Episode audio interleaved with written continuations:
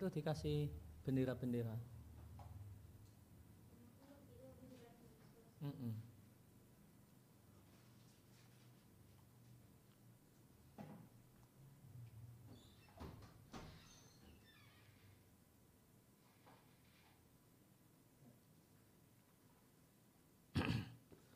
Alhamdulillah wassalatu wassalamu ala rasulillah wa ala alihi wa sahbihi wa man tabi'ahum bi ihsanin ila yaumidin amma ba'd.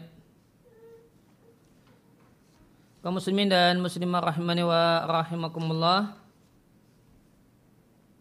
Sebelum kita lanjutkan membaca dan mentelaah akamu zinati lin nisa Ada keterangan tambahan yang ingin saya bacakan berkenaan dengan halaman 130 tentang e, larangan berjalan dengan hanya menggunakan satu sandal. Keterangan tambahan yang ingin saya bacakan adalah penjelasan Syekh Abdul Hasan Al-Ma'ribi hafizallahu taala tentang hukum masalah ini. Itu tentang hukum ya, memakai satu sandal. Kemarin kita baca di Ahkamatul Zinnatil Nisa ada kecenderungan dari penulis untuk berpendapat bahwasanya uh, memakai satu sandal ya, tanpa yang lainnya hukumnya haram.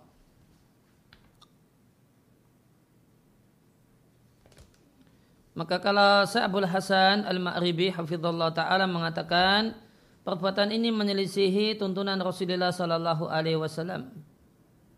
Kemudian beliau bawakan hadis tentang hal ini. Waqat ukhtulifa fi illati hadha fi nahyi terdapat perselisihan tentang kenapa hal ini dilarang. An-Nawawi menyampaikan di Sarah Sahih Muslim ya, Anal ulama aqalu para ulama mengatakan wasababuhu anna dzalika tashwihun. Sebab kenapa dilarang? Hanya pakai satu sandal tanpa yang lain adalah karena hal tersebut adalah tashwihun penampilan yang jelek wa muslaton tampilan yang buruk. Wa mukhalifunil waqar menyelisihi sikap ibawa. Ya. karena orang yang uh, orang yang hanya memakai satu sandal atau satu sepatu dianggap lucu. Ya, maka dia akan jadi bahan ketawaan. Demikian juga karena orang yang pakai Ya karena kaki yang diberi sandal itu lebih tinggi daripada yang lain. Maka orang ini akan kesulitan untuk berjalan dan boleh jadi ini sebab terpeleset.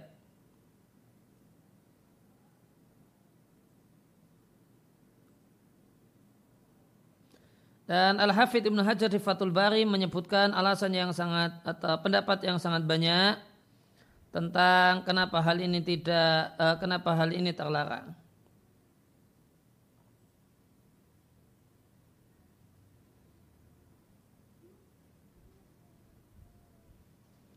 Kemudian uh, Sa'abul Hasan Al-Ma'ribi menutup penjelasannya dengan mengatakan dan nahyu dhahiruhu at-tahrimu. Larangan ini zahirnya kemungkinan yang lebih mendekati menghasilkan hukum haram seandainya bukan karena perkataan An-Nawawi anna hadil mas'alah tamujma'un bahasanya permasalahan disepakati ala annaha ay lubsan alaini jami'an mustahabbatun la wajibatun Ya, bahasanya hal ini yaitu memakai dua sandal, dua-duanya dipakai itu hukumnya dianjurkan dan tidak wajib.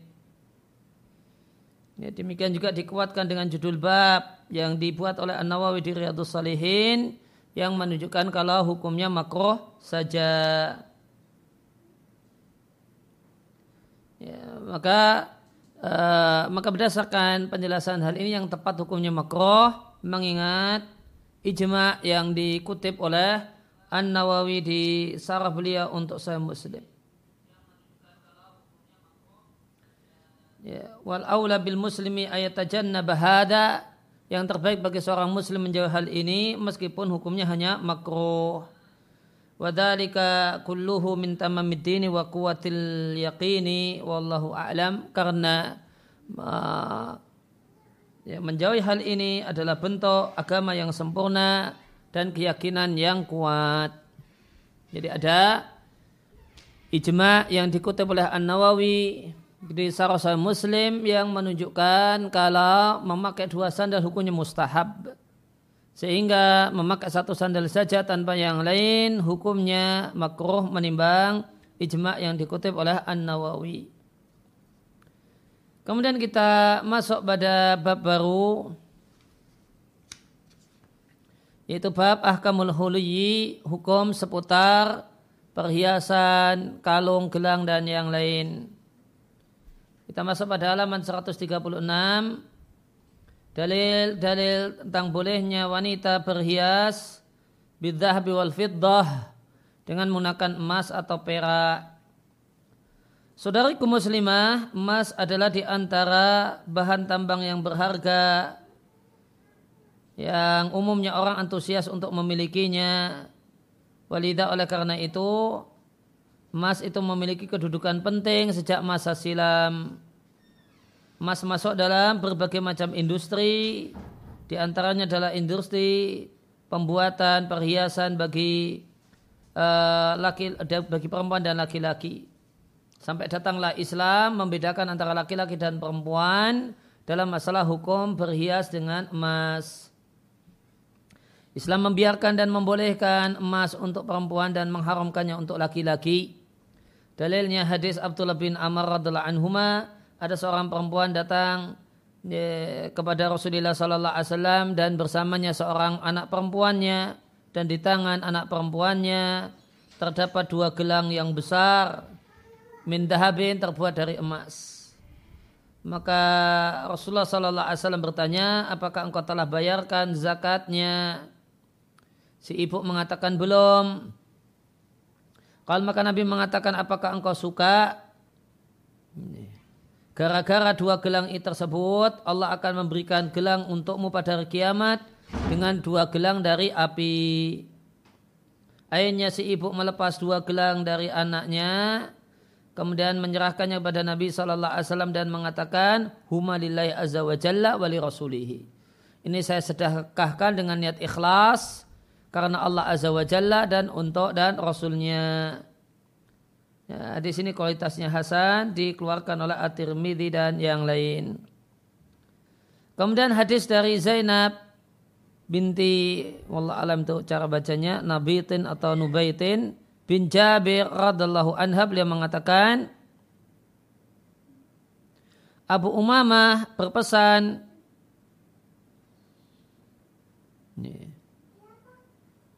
Abu Umamah berpesan bi ummi wa khalati kepada ibuku dan bibiku berpesan pada Rasulullah sallallahu alaihi wasallam.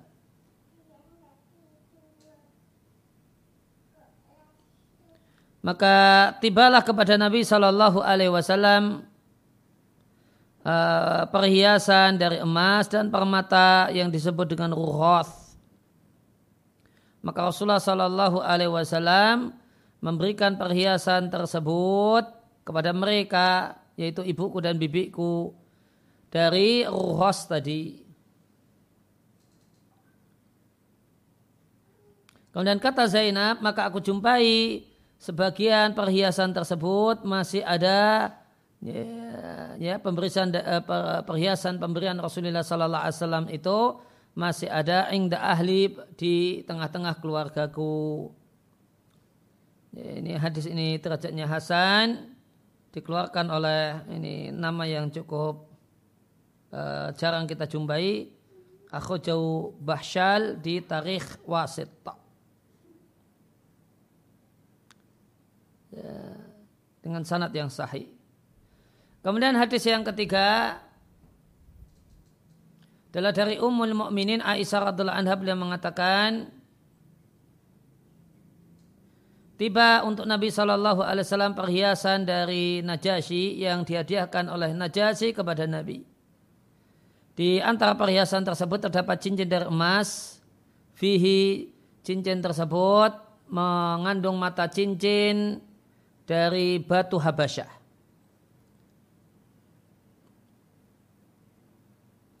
Maka kata ibunda Aisyah, maka Rasulullah Shallallahu Alaihi Wasallam mengambil cincin tersebut namun diambil pakai ya, eh, bi'audin atau bi, dengan eh, dengan ranting. Nabi tidak mau memegangnya. Mu'ridan anhu sambil Nabi memalingkan mukanya. Atau Nabi ambil dengan salah satu jarinya seakan-akan uh, sambil memalingkan muka seakan-akan nggak suka. Kemudian Nabi memanggil cucunya yang bernama Umamah, ya, anaknya Abil Al-As, ya, yang Umamah ini adalah anak perempuan dari Zainab binti Rasulullah sallallahu alaihi wasallam.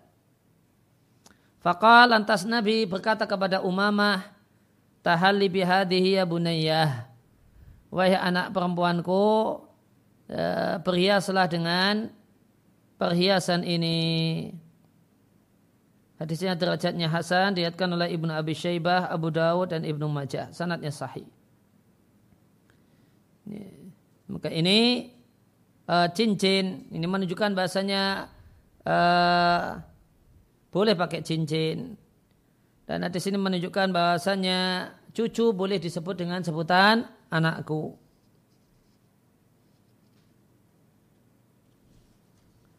Sebagaimana tadi hadis yang pertama itu menunjukkan bolehnya ya, ya, menunjukkan bolehnya memakai uh, gelang karena yang terlarang dari wanita yang bersamanya anak perempuan yang pakai dua gelang adalah yang terlarang yang bermasalah adalah zakatnya. Ya, karena Nabi bertanya kepada si ibu, apakah engkau telah bayarkan zakatnya? Maka ini menunjukkan kalau zakatnya sudah dibayarkan, hukumnya boleh memakai gelang. Sedangkan hadis yang ketiga menunjukkan bolehnya pakai cincin.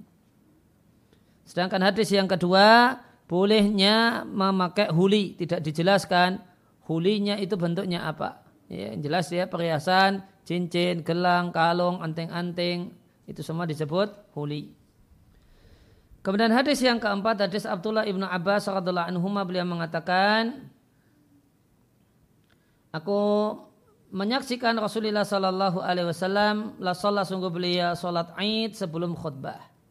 Setelah selesai sholat, beliau menyampaikan khutbah Aid.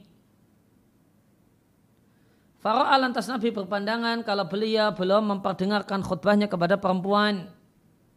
Maka Nabi mendatangi jamaah perempuan ibu-ibu. Fadakkarahunna wa wa'adahunna. Ya, lantas Nabi mengingatkan mereka dan menasihati mereka.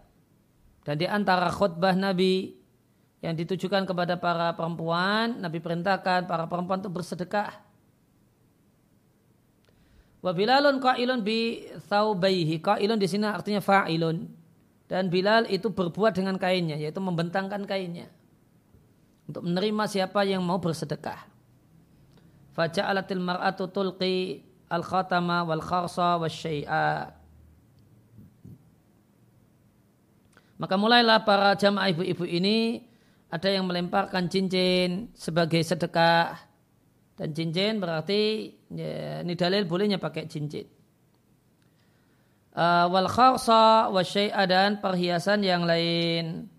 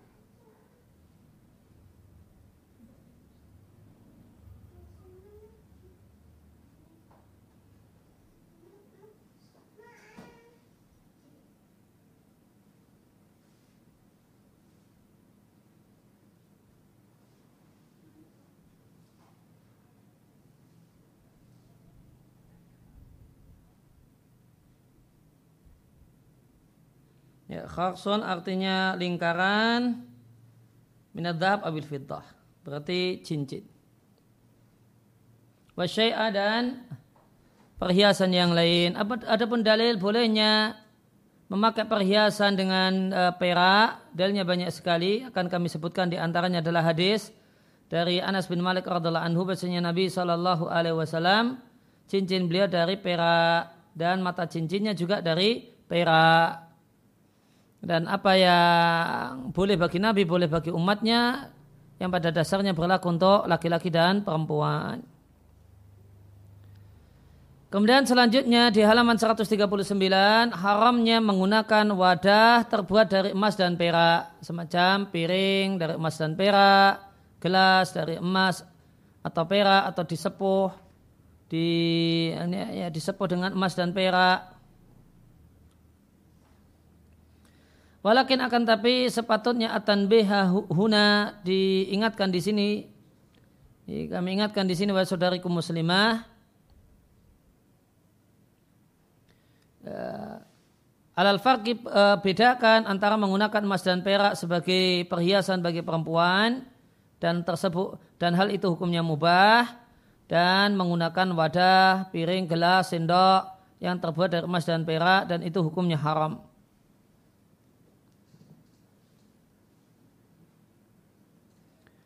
Dan satu hal yang patut diingat bahasanya berdandannya perempuan atau beriasnya perempuan dengan emas dan perak layakunu tidak boleh dilakukan kecuali di depan mahram. Wa aktsaru ma bihi dan yang paling sering berhias dengan emas dan perak itu di depan suami. Dan tidak ada dalam hal ini mafsadah atau keburukan yang besar.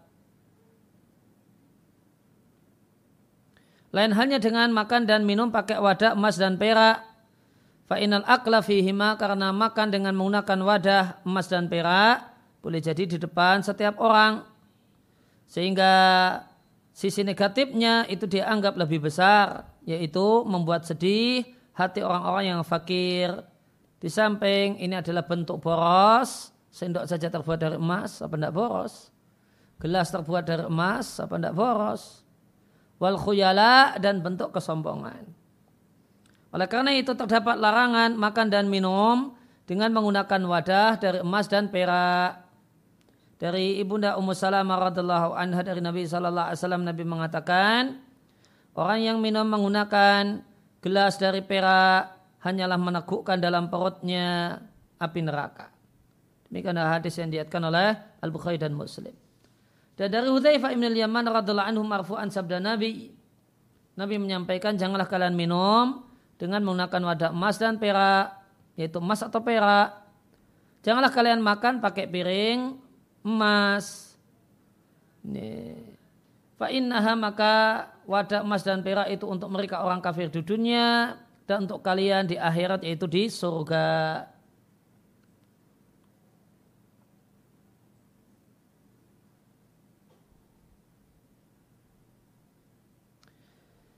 Kemudian An-Nawawi rahimallahu taala menyampaikan kalau kalau kita lihat hadisnya itu membahas tentang makan dan minum. Namun An-Nawawi dan yang lainnya mengutip bahwasannya hukum hal ini tidak terbatas pada makan dan minum. Namun untuk kegunaan yang lain juga hukumnya sama.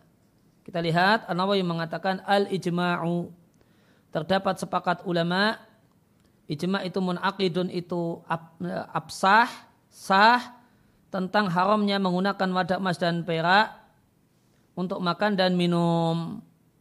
Ini sebagaimana hadis. Kemudian tambahan, dalilnya ijma namun tidak ada di hadis. Demikian juga haram dengan sepakat ulama dipakai untuk toharah.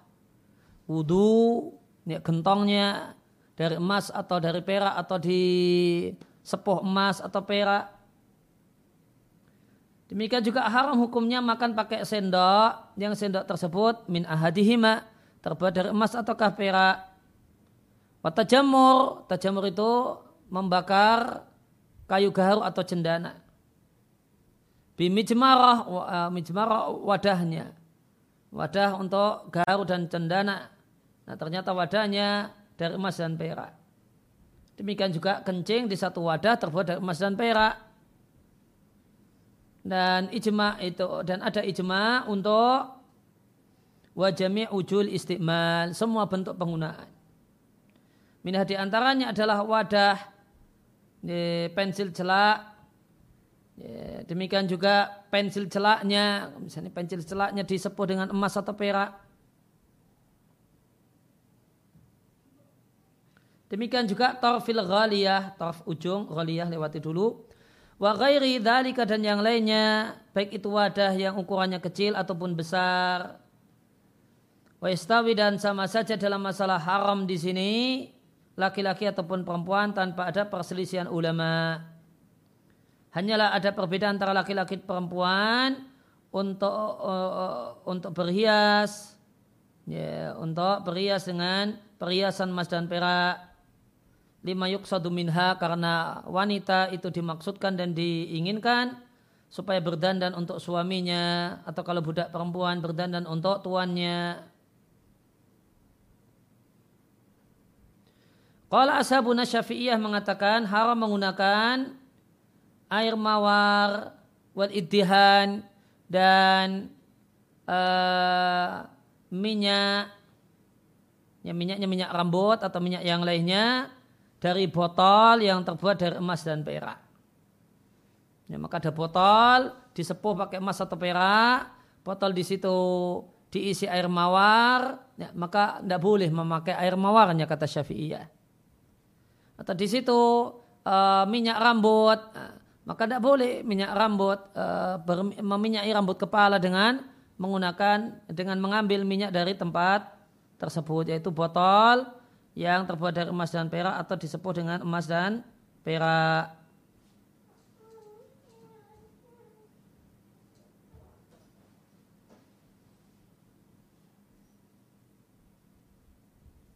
Jadi ada ghaliyah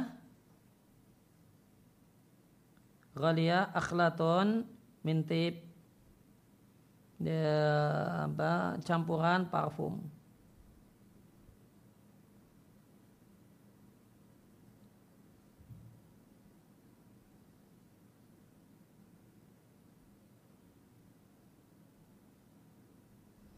Nah, kemudian mufadalah di halaman 141 mufadalah perbandingan antara wanita memakai perhiasan dari emas ataukah meninggalkannya. Walakin akan tetapi warodat terdapat sejumlah hadis yang sahih dari Nabi Shallallahu Alaihi Wasallam yang berisi peringatan untuk tidak ya, terfitnah dan tergoda dengan emas. Wama dan hadis yang menunjukkan dianjurkannya wanita untuk tidak berhias dengan emas dalam rangka zuhud dengan dunia dan berharap akhirat dan menjaga diri dari fitnah dunia.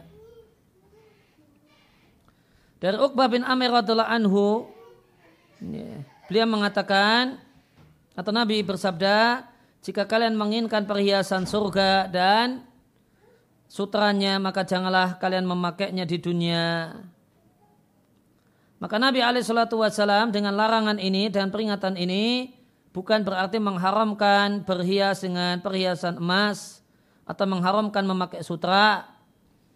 Wa inama hanyalah Nabi memilihkan untuk keluarganya yang terbaik bagi mereka di dunia dan di akhirat. Maka Nabi Alaihissalam memilih untuk dirinya dan keluarganya sikap keras Sedangkan untuk umatnya Nabi sampaikan adanya kemudahan. Nah inilah sikap da'i yang tepat dan sikap seorang muslim yang, yang tepat. Untuk diri sendiri cenderung keras. Untuk keluarga sendiri cenderung keras. Untuk orang lain ya, cenderung lapang. Sebagaimana Nabi. Maka Nabi melarang keluarganya dari benda-benda yang bisa menyebabkan mereka tergoda dengan dunia, meskipun itu dunia yang halal. Dengan berharap agar mendapatkan kebaikan yang luas di akhirat nanti. Dari Thauban bekas budak Rasulullah sallallahu alaihi wasallam Pintu Hubairah datang menemui Rasulullah sallallahu alaihi wasallam dan di tangannya terdapat fathun yaitu cincin yang besar. Maka Rasulullah sallallahu alaihi wasallam mulai memukuli tangannya Lantas maka bintu Hubairah kemudian menemui Fatimah binti Rasulullah sallallahu alaihi wasallam mengadukan pada Fatimah apa yang dilakukan oleh Rasulullah Sallallahu Alaihi Wasallam kepada dirinya.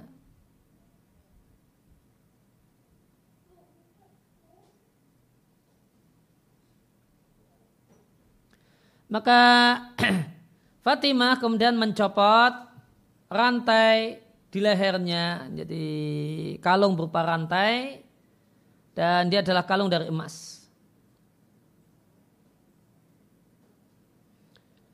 Qalat Fatimah mengatakan kalung ini dihadiahkan kepadaku oleh Abu Hasan yaitu Ali suaminya. Rasulullah Shallallahu Alaihi Wasallam masuk ke rumah Fatimah dan rantai yang tadi dijadikan sebagai kalung ada di tangannya.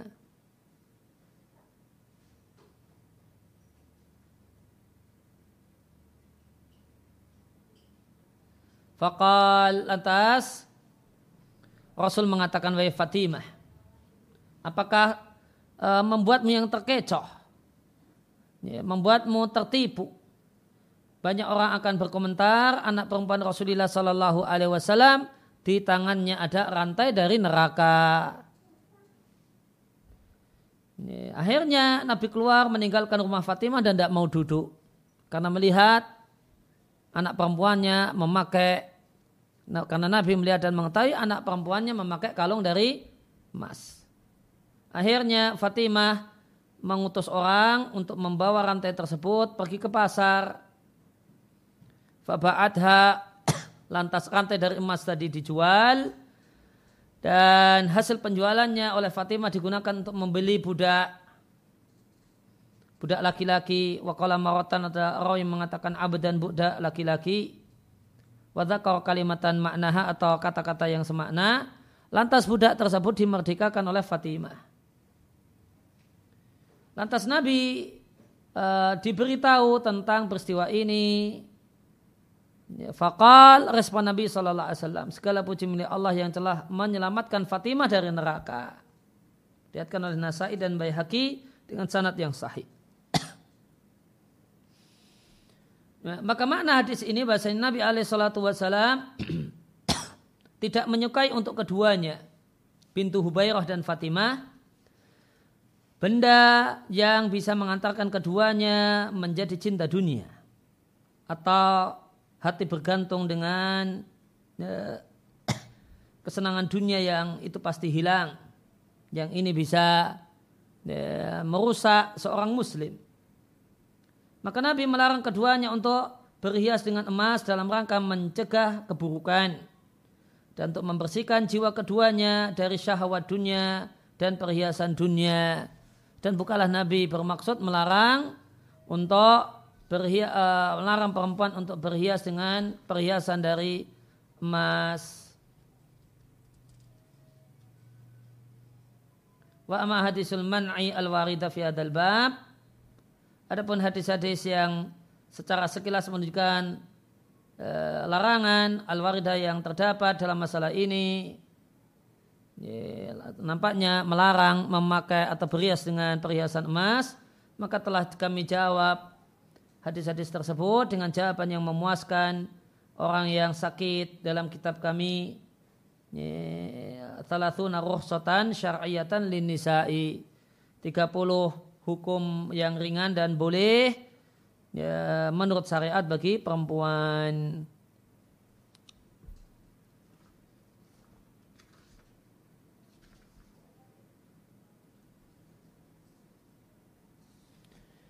Ya, kemudian uh, bab selanjutnya di halaman 143 perhiasan yang boleh dipakai oleh perempuan. Yang pertama, boleh memakai perhiasan berupa gelang berdasarkan hadis Abdullah bin Amr radhiallahu anhuma yang tadi telah kita baca. Ada seorang perempuan datang menemui Rasulullah sallallahu alaihi wasallam dan bersamanya ada anak perempuannya. Dan di tangan anak perempuannya terdapat dua gelang yang besar dari emas. Maka Nabi bertanya kepada sang ibu, apakah engkau telah berikan zakat dari gelang ini? Sang ibu mengatakan belum. Maka Nabi mengatakan, apakah engkau suka gara-gara dua gelang dua gelang tersebut Allah akan berikan gelang untukmu nanti pada hari kiamat dengan dua gelang dari neraka. Akhirnya sang ibu mencopot dua gelang dari anaknya kemudian memberikannya kepada Nabi Sallallahu Alaihi Wasallam kemudian mengatakan dua gelang tersebut untuk Allah dan Rasulnya. Kemudian yang kedua, perempuan boleh ya, memakai perhiasan berupa anting-anting. Al-qartu itu artinya perhiasan yang digantung pada uh, ujung daun telinga, baik terbuat dari emas ataupun uh, kharzun manik-manik dari Abdullah ibn Abbas radhiallahu anhu bahasanya Nabi Shallallahu Alaihi Wasallam sholat pada hari Aid dua rakaat dan Nabi tidak sholat sunnah sebelumnya tidak pula setelahnya. Setelah sholat kemudian khutbah di depan laki-laki kemudian Nabi mendatangi jamaah ibu-ibu. Dan Nabi ditemani oleh Bilal. Nabi perintahkan para ibu-ibu untuk bersedekah. Maka ada wanita yang mulailah mereka memberikan anting-antingnya.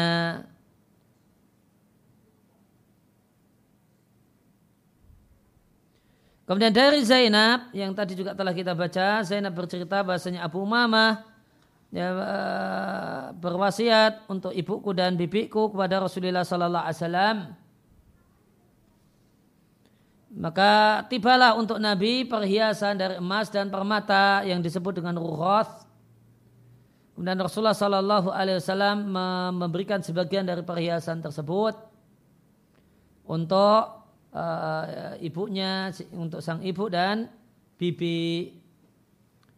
Kal Zainab mengatakan aku jumpai sebagian perhiasan itu ada di tengah-tengah keluargaku. Ibnu Mangdur mengatakan ruhas itu maknanya kirotah.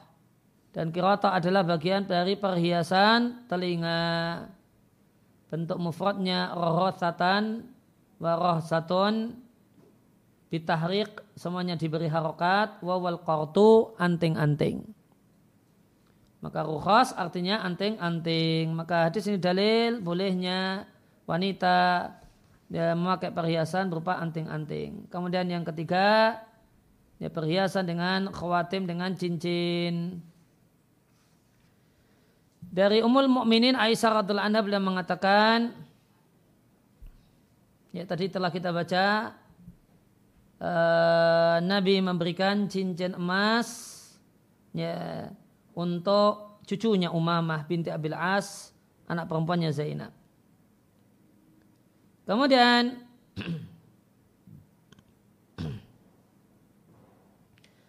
yang keempat adalah boleh berhias dengan fatah dari Ibnu Abbas radhiallahu anhu tentang di, uh, tentang sholat hari raya fihi isinya Nabi Shallallahu Alaihi Wasallam bersabda kepada para perempuan bersedekahlah kalian. Bila lantas menghamparkan kainnya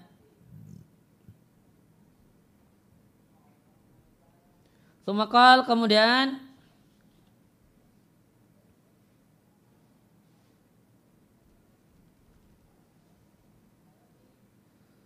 Kemudian beliau eh, kemudian beliau mengatakan atau Bilal mengatakan halumma fidan mari berikan tebus, eh, tebusan lakinna abi wa ummi dan tebusannya adalah ayah dan ibuku.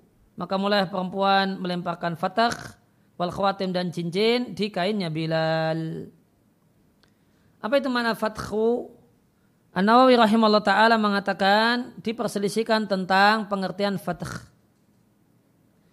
Dalam saya Bukhari dari Abdul Razak, Abdul Razak mengatakan fathu itu artinya cincin besar. Al-Asma'i mengatakan fathu itu adalah cincin yang tidak mengandung mata cincin. Ibnu Sikit mengatakan dia ada cincin manakala dipakai di jari-jari tangan. Sa'lab mengatakan waqad yakunu fi asabil yadi al-wahidi minarijali. Boleh jadi yang namanya fatah itu adalah cincin yang ada di ya, jari-jari tangan seorang laki-laki. Ibnu Duraid mengatakan dan boleh jadi dia adalah cincin yang punya mata cincin. Kemudian uh, penulis mengatakan tidak ada pertentangan di antara madhukira min tafsiriha tentang uh, penjelasan apa itu fatah. Intinya semuanya adalah bisa kita katakan cincin.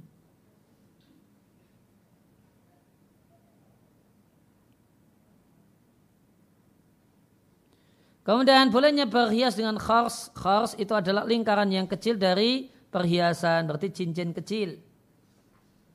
Dari Ibn Abbas radhiyallahu anhuma ya, yang tadi hadisnya telah kita baca Nabi memerintahkan jamaah ibu-ibu saat sholat hari raya untuk bersedekah maka ada wanita yang melemparkan cincinnya ada kharsnya cincin kecilnya wasyai dan yang lain kemudian yang keenam bolehnya berdandan dengan rantai. Ya, rantai untuk leher wal dan kalung. Berdasarkan hadis Sauban radhiallahu anhu yang juga telah lewat, Fatimah melepas rantai di lehernya yang dijadikan sebagai kalung terbuat dari emas. Kemudian di hadis yang lain dari Ibunda Aisyah, beliau mengatakan bahasanya beliau pinjam dari saudaranya Asma kalung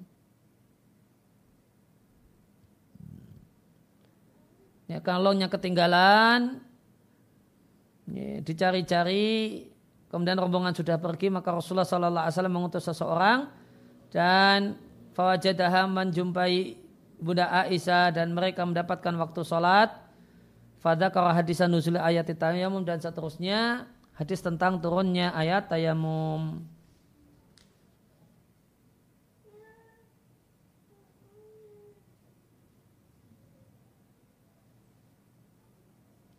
Kemudian uh, bertanda dengan sahab tentang makna sahab nanti akan dijelaskan dari Ibnu Abbas radhiallahu anhu Rasulullah Shallallahu Alaihi Wasallam keluar atau berangkat dari rumahnya pada hari Id. Beliau sholat dua rakaat. Beliau tidak sholat sunnah sebelumnya, tidak pula setelahnya.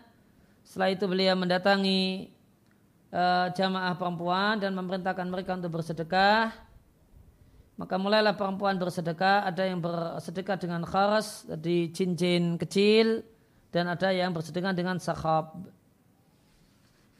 Tentang mana sakhab Bukhari di Sahih Bukhari mengatakan sakhab adalah kiladaton uh, kalung mintibin dari tip dari parfum wasikin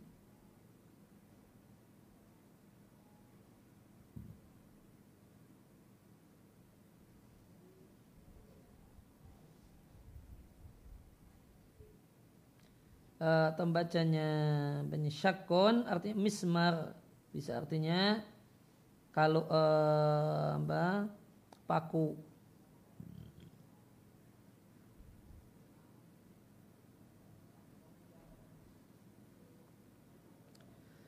Kemudian Ibnu Hajar di Fathul Bari mengatakan bahasanya sahab adalah kiladaton ye, ye, kalung dari ambar atau koronful atau yang lainnya tidak ada padanya manik-manik.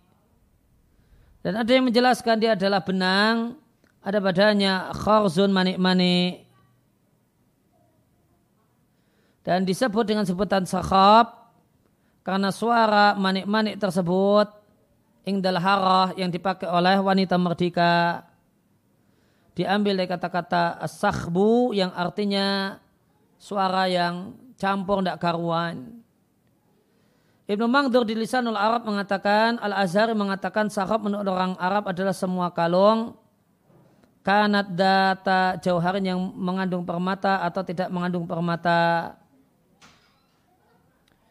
Ya, Ibnu Athir di, ketika menjelaskan hadis Ibnu Abbas mengatakan ya, sahab adalah khaitun benang disusun padanya manik-manik seperti apa biji tasbih kalau di tempat kita Kemudian ini dipakai oleh asibian anak-anak wal jawari dan anak-anak perempuan yang masih kecil.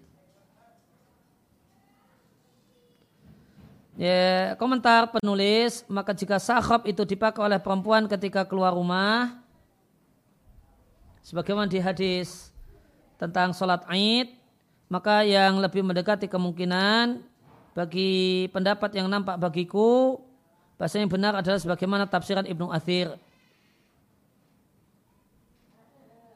Karena bagaimanakah mungkin seorang wanita tak rujuk keluar dari rumah berdandan pakai tip, ya, pakai parfum, wad ambar dan jenis parfum, koronful, dan terdapat larangan uh, kepergian perempuan dengan memakai parfum.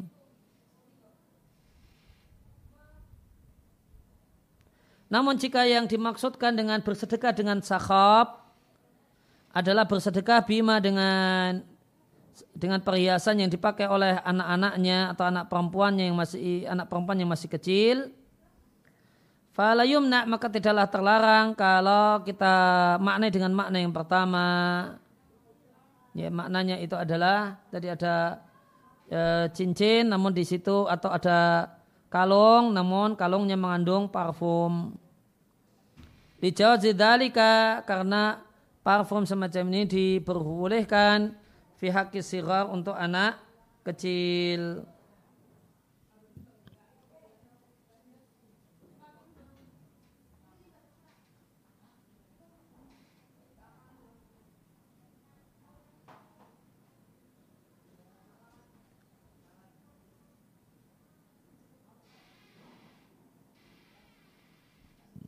Karanful. Karanful itu sejenis bunga yang terkenal. Ya, satu jenis bunga. Ya, demikian yang kita baca kesempatan uh, siang hari ini. Wassalamualaikum ala nabiyina Muhammadin wa ala alihi wasallam. Wa alhamdulillahi rabbil alamin.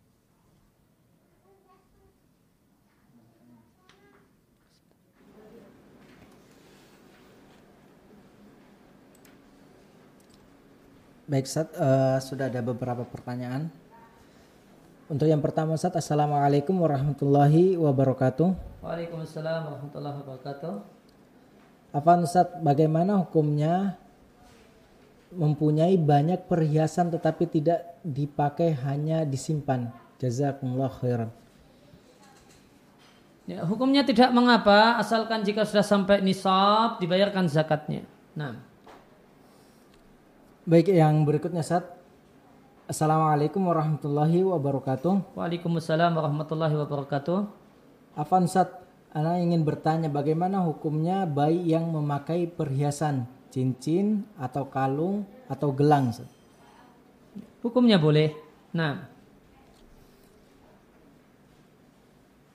Pertanyaan berikutnya Sat, Bismillah, Afan Sat, Ana ingin bertanya, bagaimana hukumnya suami memakai cincin perkawinan dan bagaimana hukumnya akhwat yang memakai perhiasan saat acara keluarga besar. Di situ terdapat paman atau ipar. Uh, cincin perkawinan kalau dari emas maka hukumnya haram. Jika bukan dari emas, dari perak hukumnya boleh. Manakala tidak ada keyakinan yang aneh-aneh. Kalau ada keyakinan yang aneh-aneh maka tidak boleh. Iya. Kemudian pakai cincin di acara keluarga besar, ya, di situ ada non mahram. Ya, maka ya. ini satu hal yang kalau berdasarkan penjelasan yang ada di buku ini tidak boleh kalau perhiasan tersebut terlihat pada selain mahram. Kalau disembunyikan di balik kerudung, ya tidak apa-apa. Nah, ada pertanyaan Silakan Pak, Gila, jika ingin bertanya. Assalamualaikum. Waalaikumsalam warahmatullahi. Silakan Pak. Hamba Allah dari Riau. Iya Pak. Uh, pertanyaan di luar tema sedikit boleh Ustaz? Silakan Pak, singkat aja Pak ya. Uh, ini kan kita selalu diundang acara walimah Ustaz.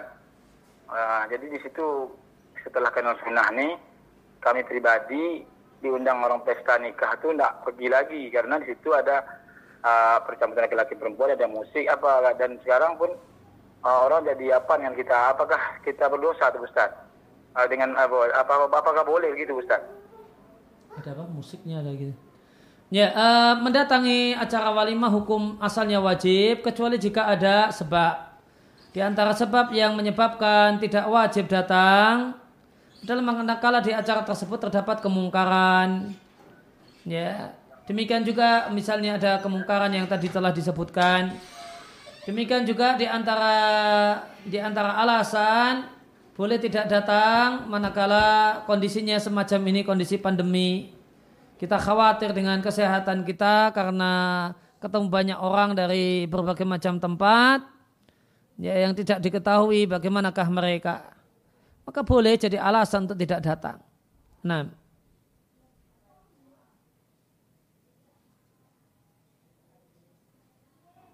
Baik, Sat, uh, pertanyaan berikutnya, Sat.